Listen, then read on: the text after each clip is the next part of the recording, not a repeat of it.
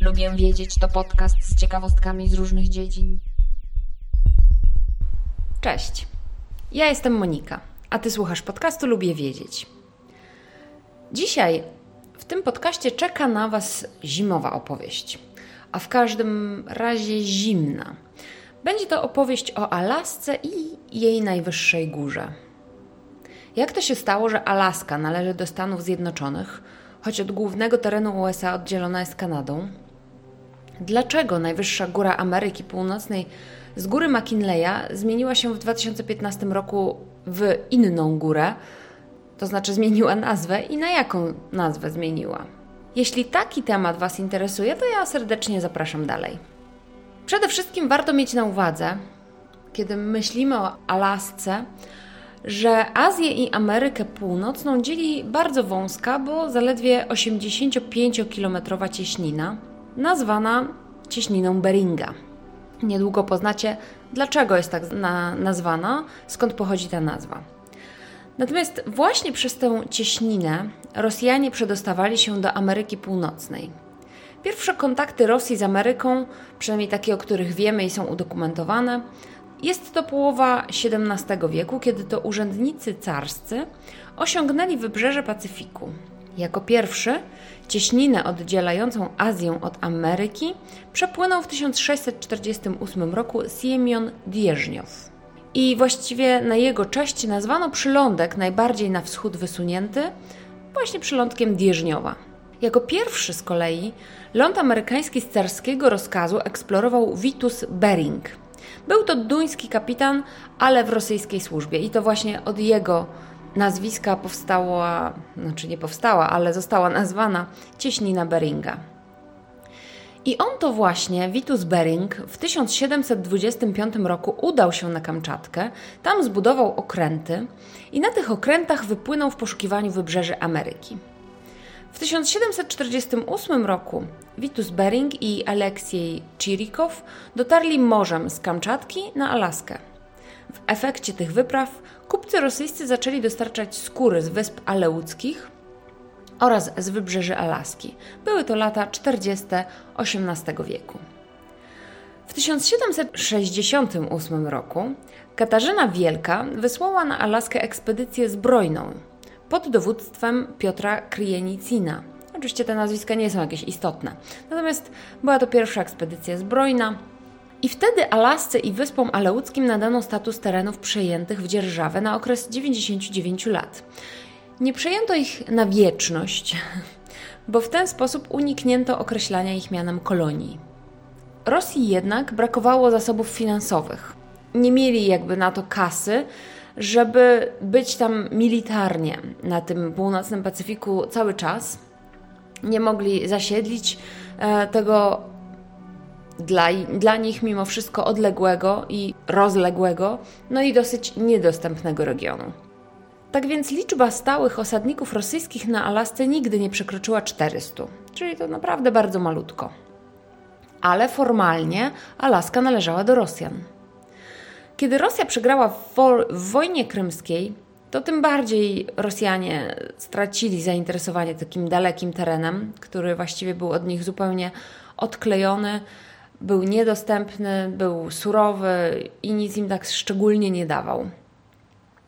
Kiedy stwierdzili, że Alaska może być zdobyta przez Zjednoczone Królestwo Wielkiej Brytanii i Irlandii, e, bo mieli oni tam bardzo wiele już posiadłości w Ameryce Północnej, między innymi na terenach właśnie obecnej Kanady, Rosja stwierdziła, że utarguje jakiś dobry deal, dobry zrobi handel ze Stanami Zjednoczonymi. Więc zaoferowała Stanom Zjednoczonym sprzedaż Alaski i było to po raz pierwszy w 1859 roku.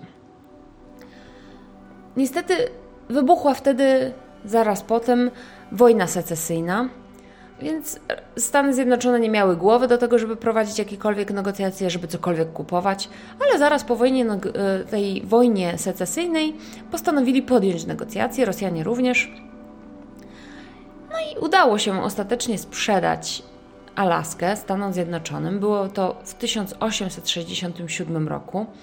No i strona amerykańska kupiła Alaskę za 7 milionów 200 tysięcy dolarów. I tak właśnie stało się, że to Stany Zjednoczone mają teraz Alaskę. Alaska tak naprawdę, pamiętajcie tę datę, od 1867 roku mm, Alaska przynależy już oficjalnie do Stanów Zjednoczonych, ale dopiero w 1959 roku stała się 49 stanem USA. Czyli no, prawie 100 lat później, no, około 90. Alaska jest największym stanem Stanów Zjednoczonych, no, o największej powierzchni, natomiast z kolei najmniejszej gęstości zaludnienia. Do Alaski należą też wyspy Aleuty. Na kontynentalnej Alasce dominują wyżyny, liczne stożki wulkaniczne oraz góry. Najwyższym szczytem Ameryki Północnej jednocześnie też Alaski jest szczyt Denali o wysokości 6190 metrów nad poziomem morza. Jeśli nigdy nie słyszeliście o górze Denali, to może słyszeliście o górze McKinley. Ja o górze McKinley słyszałam i to właściwie myślałam, że właśnie góra McKinley jest najwyższą górą e, Alaski i Ameryki Północnej. Ale nigdy nie słyszałam o Denali. Okazuje się, że to jest ten sam szczyt. Góra została nieoficjalnie nazwana Mount McKinley w 1896 roku przez poszukiwaczy złota, a oficjalnie ta nazwa została przyjęta przez rząd Stanów Zjednoczonych w 1917 roku. Nazwisko McKinley, właściwie ta nazwa, upamiętniała Williama McKinleya, prezydenta Stanów Zjednoczonych od 1897 roku aż do jego tragicznej śmierci w zamachu w 1901 roku. W 1975 roku rząd Alaski zwrócił się do rządu Stanów Zjednoczonych o zmianę nazwy z McKinley na Denali. Taka przepychanki, batalia, można to nazwać, o zmianę nazwy trwała do 2015 roku, kiedy to oficjalnie prezydent Barack Obama ogłosił zmianę nazwy. Oczywiście decyzję podjął rząd federalny, a nie osobiście prezydent Barack Obama. Co to w ogóle jest ta nazwa Denali? Co ona oznacza? Dlaczego Denali w ogóle? Co, co, co, co to jest? Jest to słowo w języku ludu Koyukon, należącego do rdzennej ludności Alaski. Ono oznacza wysoka i było używane przez cały czas właściwie istnienia również nazwy McKinley, równolegle do tej nowej nazwy. Także chociaż tyle dostali rdzenni Indianie z Alaski, to znaczy przywróconą nazwę góry. Sama góra Denali jest dosyć ciekawa. Jest zbudowana ze skał krystalicznych, głównie granitów i łupków. Pokryta jest stale śniegiem i lodowcami, a największy z tych lodowców o długości 50 km to lodowiec Muldrow. To akurat nie jest może jakimś czymś szczególnym. Szczególne jest między innymi to, że względem otaczających ją dolin, czyli tę górę dolin, występuje u jego stoków jedna z największych deniwelacji na świecie. Deniwelacja jest to różnica wysokości pomiędzy najwyżej i najniżej położonym punktem góry chociażby. I w tym przypadku, w tym przypadku góry Denali jest to ponad 6144 metry. Pamiętajcie, że sama góra ma wysokości 6190 metrów. Dla porównania słynny ośmiotysięcznik Nanga Parbat to tylko 4600 metrów wysokości względnej, więc jest jakby, jeśli pod, porównywać pod względem deniwelacji, to Nanga Parbat jest trochę niższe niż Denali.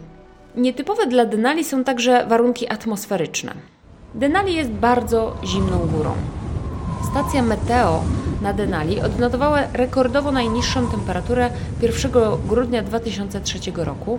Było wtedy minus 59,7 stopni Celsjusza. A dzień wcześniej, przy odrobinkę niższej temperaturze 59,1, ale silnym wietrze, odczuwalna temperatura była minus 83 stopnie Celsjusza. Tam nawet w lipcu stacja meteorologiczna odnotowuje bardzo niskie temperatury minus 30 stopni oraz temperatura odczuwalna około minus 50 stopni. To jest strasznie mało i teraz szczerze powiedziawszy nie chciałabym się przenieść, tak teleportować na tę górę Denali. Druga nietypowa sprawa to ciśnienie. Druga z tych warunków atmosferycznych. Ciśnienie na szczycie Denali odpowiada ciśnieniu na wysokości niemal 7000 metrów nad poziomem morza, chociaż jest to sześciotysięcznik. Odpowiada na takim górom, właśnie e, siedmiotysięcznikom, na terenach bliższym równika. Czyli wchodząc na górę o wysokości około 6200 można się sprawdzić, czy się da radę wejść na siedmiotysięcznik. Jak to się w ogóle dzieje, że ciśnienie na Ziemi może być tak różne na równiku i bliżej kul podbiegunowych? Co warto wiedzieć przede wszystkim, to to, że tlen, który jest nam potrzebny do funkcjonowania, pobieramy z powietrza, ale to każde dziecko wie oczywiście. Powietrze, czy też inaczej atmosfera, to jest taka ogromna masa różnych gazów o dużej wysokości i sporej masie. I ten ciężar powietrza nad nami spręża powietrze wokół nas, zwiększając jednocześnie ciśnienie, bo pod, im większa masa na coś naciska, tym bardziej się zwiększa ciśnienie. Im wyżej nad poziomem morza, tym mniej powietrza, więc powietrze wokół staje się mniej sprężone i cieńsze. I w miarę jak ta powłoka powietrza staje się cieńsza, w takiej samej objętości zawiera się mniej gazu, a co za tym idzie również mniej tlenu. A jak mniej tlenu, to trudniej się oddycha.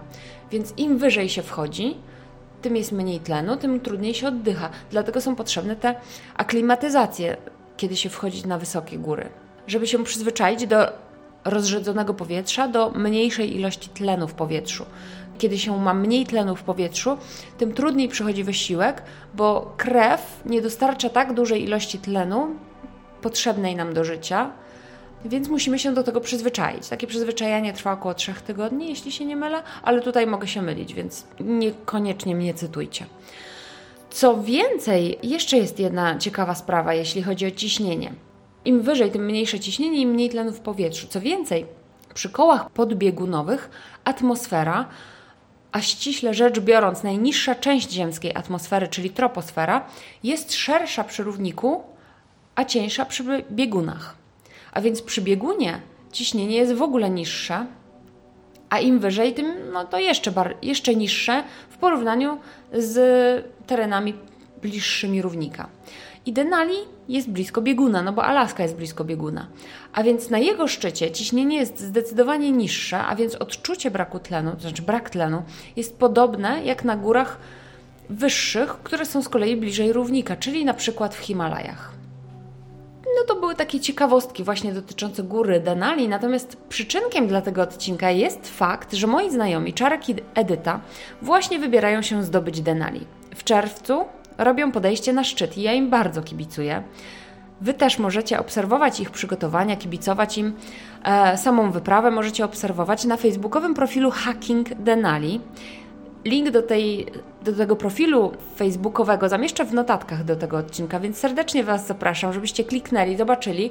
Jeżeli spodoba Wam się temat, będziecie chcieli ich obserwować, to obserwujcie ten profil bo na pewno będą relacjonować swoją wyprawę. Teraz relacjonują przygotowania, ale później, jak już wyruszą, no to będą relacjonować swoją wyprawę. Ciekawostka jeszcze jest taka, że rozmowę z Czarkiem, jak przygotowywał się do wyprawy, co robi na co dzień, jakie góry już zdobył, a jakie jeszcze planuje zdobyć, możecie wysłuchać na podcaście Nilo. Podcast Nilo znajdziecie na aplikacjach do słuchania podcastów lub na stronie Anchor FM. Bezpośredni link do tego podcastu także na Anchor FM, także będzie w notatkach do tego odcinka. A tymczasem ja Wam dziękuję za wysłuchanie kolejnego odcinka podcastu Lubię Wiedzieć. Jeśli Wy także lubicie wiedzieć, to zapraszam do subskrypcji mojego podcastu w swojej aplikacji. W ten sposób nie przegapicie kolejnego odcinka. W dzisiejszych notatkach Tradycyjnie, jak wspomniałam, są linki do źródeł informacji oraz obiecane linki do stron Hacking Denali i podcastu Nilo.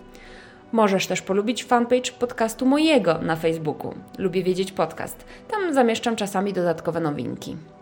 Możesz także do mnie napisać na adres lubiewiedzieć małpa interia.pl. Zapraszam także na mój drugi podcast Fiszkowa Kartoteka.